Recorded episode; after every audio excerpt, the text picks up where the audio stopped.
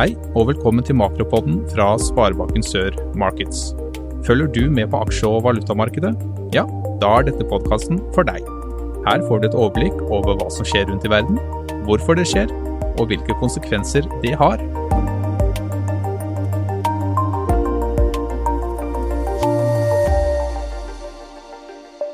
Da sier vi vel møtt til en ny makropod. Nå er vi kommet til slutten av april 2021. Dette er Jan Egen Orheim som leder Sparebanken Sør Markets. I dag skal vi snakke litt om hva som skjer rundt om i verden. Fortsatt så må vi ha fokus på smitte- og vaksinesituasjonen, og hvordan det stadig endrer de økonomiske forutsetningene rundt om i verden. Så skal vi også se på andre viktige nyheter nå i slutten av april 2021.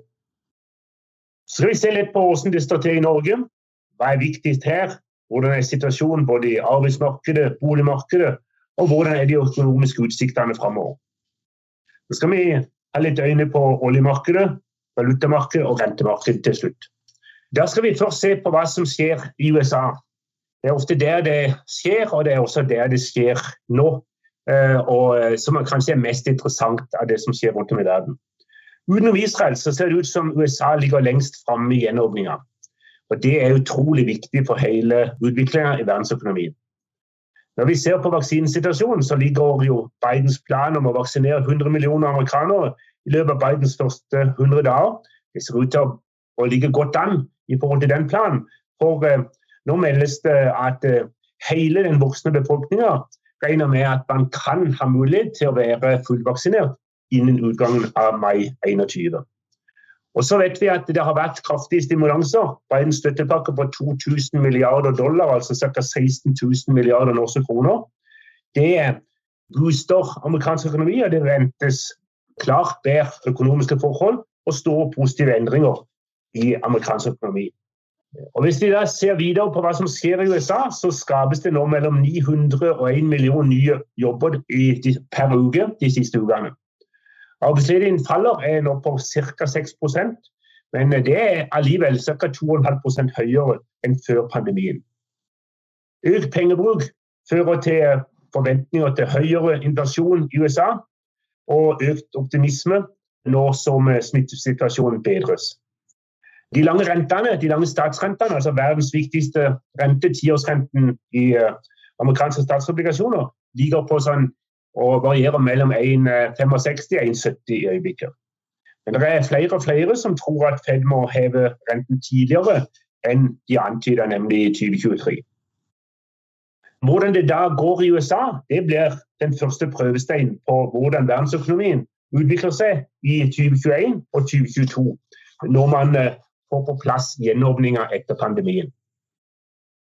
Hvis vi ser litt på på litt andre nyheter. Ellers nå i slutten av april så ser vi at Biden jobber jo som en del av sin finansiering så jobber han for en global selskapsskatt på 21 Men Nå ser det også ut som at både Frankrike og Tyskland er positive til dette. Så er det, er det viktig å se på at et av de landene i Asia som, som er kommet godt gjennom pandemien, er Sør-Korea. Det er Asias fjerde største økonomi. Og De er nå tilbake på 2019-nivå økonomisk.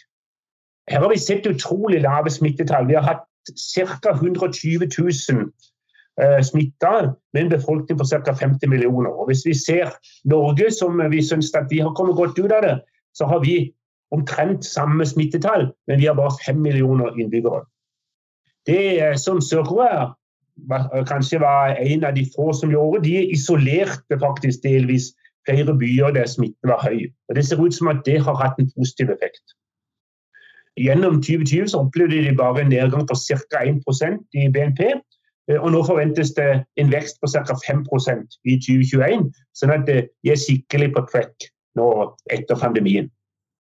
Så har vi også her i Europa at Storbritannia starter gjenåpninga og ligger langt framme i vaksineringa i forhold til veldig mange andre europeiske land. Hva skjer da i Norge? Arbeidsledigheten er relativt stabil. Vi har ca. 200 000 ledige. Og kampen mot smitten fortsetter. Fortsatt mye nedstengninger både sentralt og i mer desentrale ekstratiltak. Man forsøker å lette nå litt på tiltakene både nasjonalt og i Oslo-området. Vaksineringa går framover, men fortsatt eh, noe etter skjema. Regjeringens støttetiltak hindrer jo fortsatt eh, foreløpig konkursras. Men eh, hva skjer når disse avvikles? Det er nok det store spørsmålet. Så håper mange på gjenåpning til sommeren. Og spørsmålet er da om vi får en sånn skikkelig boost i økonomien når gjenåpninga begynner å bli et faktum. Hvis vi ser på detaljhandelen, så stiger den nå med rett i underkant av 3 fra februar til mars i år. Markedet hadde forventa en liten nedgang pga. nedstengninger mange steder. Så Sånn sett så var de tallene veldig positive. Det vi ser er at klær og klærsalget faller, mens dagligvarehandelen stiger. Eh, og hvis vi ser, Nå var jo tallene i mars i fjor veldig dårlige, fordi eh, midten av mars så ble det total nedstenging. Men vi er på en årsvekst på 6,7% og netthandelen har faktisk en vekst på 41% siden mars i fjor. Boligprisene fortsatt oppgang. I mars oppgangen var på 1,1% Og eh, vi ser høy etterspørsel som følge av svært lave renter. Og eh, Trolig er det kun en renteøkning fra Norges Bank som kan dempe fortsatt prisoppgang i boligmarkedet. I oljemarkedet eh, er oljeprisen nå kravd opp igjen til der vi var for halvannen måned siden, nemlig ca. 66 dollar.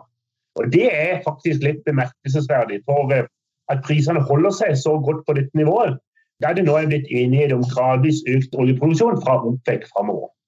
Men eh, det som holder prisen oppe, det er fortsatt vaksinehåp og sterkere forhåpninger om eh, økt pengetrykking i USA og forventninger til høy aktivitet i hele verdensøkonomien i 2021. Og I tillegg som vi har nevnt tidligere i eh, makropoden, mer grønt fokus fra USA gjennom Biden som president. Men eh, totalt en oljepris på 66 dollar det er jo kjempegodt nytt for Norges handelsbalanse og gir oss store ekstra inntekter fra olje og gass. Hvis vi ser på valutamarkedet, og kanskje sover fort innom aksjemarkedet, så ser vi at aksjemarkedet er fortsatt høyt. Ligger på omtrent rekordnivåer og har etablert seg godt over 1000 nå på Oslo Børsindeksen. I valutamarkedet så går det fortsatt trenden mot sterkere norske kroner. Og nå i slutten av april så ser vi faktisk nitallet først på euro, noe som eh, vi så vidt så ved eh, årsskiftet 2019 til 2020. Eh, og Vi tror nok at den trenden mot en sterkere norsk krone er intakt. Men vi ser også at Eh, det som er utrolig viktig for hele utviklingen i valutamarkedet, er hvordan risikosentimentet i markedet er. Hvis det kommer negative nyheter, så ser vi fort at eh, den norske kronen svekkes. Så Det betyr fortsatt at valutasikring er viktig, og snakk gjerne med oss om det. Så eh, Det som jeg tror vil komme til å være de to største driverne for hvordan norske kroneutvikling blir de neste månedene, det er det amerikanske aksjemarkedet, altså, som da har stor betydning for hvordan risikosentimentet i markedet og utvikling i oljeprisen. Det er det som antageligvis vil styre oljeprisen de neste ukene og månedene. Hva skjer så med de lange rentene? De eh, korte ligger jo relativt stabilt på sånn 0-30-nivå. De lange rentene på basis av at uh, de lange rentene i USA og tiårs amerikansk statsobligasjon er kommet bitte grann ned. og Det har det også gjort her hjemme. Så nå har vi fem år på ca. 1,40, og vi har tider på sånn mellom 1,75 og 1,80. Eh, Tremåneders Nibor som sagt, ligger på 0,32, og før pandemien så lå den på mellom 1,80 og 2% Så eh, hvis verden normaliserer seg igjen, så tror jo veldig mange av analytikerne at eh, Norges Bank vil begynne å øke renten Muligens allerede på sitt septembermøte, men i hvert fall på sitt desembermøte. Og Så tror både Nordea og DNB at eh, det kan komme fire-fem renteøkninger, hver med kanskje en kvart prosent, eh, i løpet av 2022. Sånn at, eh, at eh, vi kanskje har en, en sentralbankrente på 1,25-1,5 eller noe sånt. Og da er vi tilbake igjen til det nivået som vi var før pandemien. Boligprisen, veksten, den er jo en veldig veldig kjempedriver Eh, mot høyere rente. Så rentesikring er derfor fortsatt veldig aktuelt, så snakk med oss om det òg. Hvis vi da bare skal oppsummere litt til slutt, så eh, snakker vi i dag om hva som skjer rundt om i verden, med fortsatt fokus på smitte- og vaksinesituasjonen, og hva det gjør med de økonomiske forventningene rundt om i verden. Vi så på noen viktige økonomiske nyheter rundt om i verden nå i slutten av april, og så så vi på hvordan det står til i Norge. Hva som var de viktigste faktorene framover, og hvordan situasjonen er på arbeidsmarkedet, i boligmarkedet, samt de økonomiske utsiktene eh, for eh, det neste året. Og så så vi på utviklinga i oljemarkedet, valutamarkedet og rentemarkedet. Da var det alt i Makropoden Makropodden denne gang. Da håper vi at dere også hører oss neste gang i Makropodden, som kommer om ca. en måned. Takk for meg. Du lyttet nettopp til Makropodden fra Sparebanken Sør Markets. Hver måned vil vi gi deg innsikt i hva som skjer i verden, samt hvordan det påvirker økonomien vår. Flere episoder finner du på sol.no slash makro.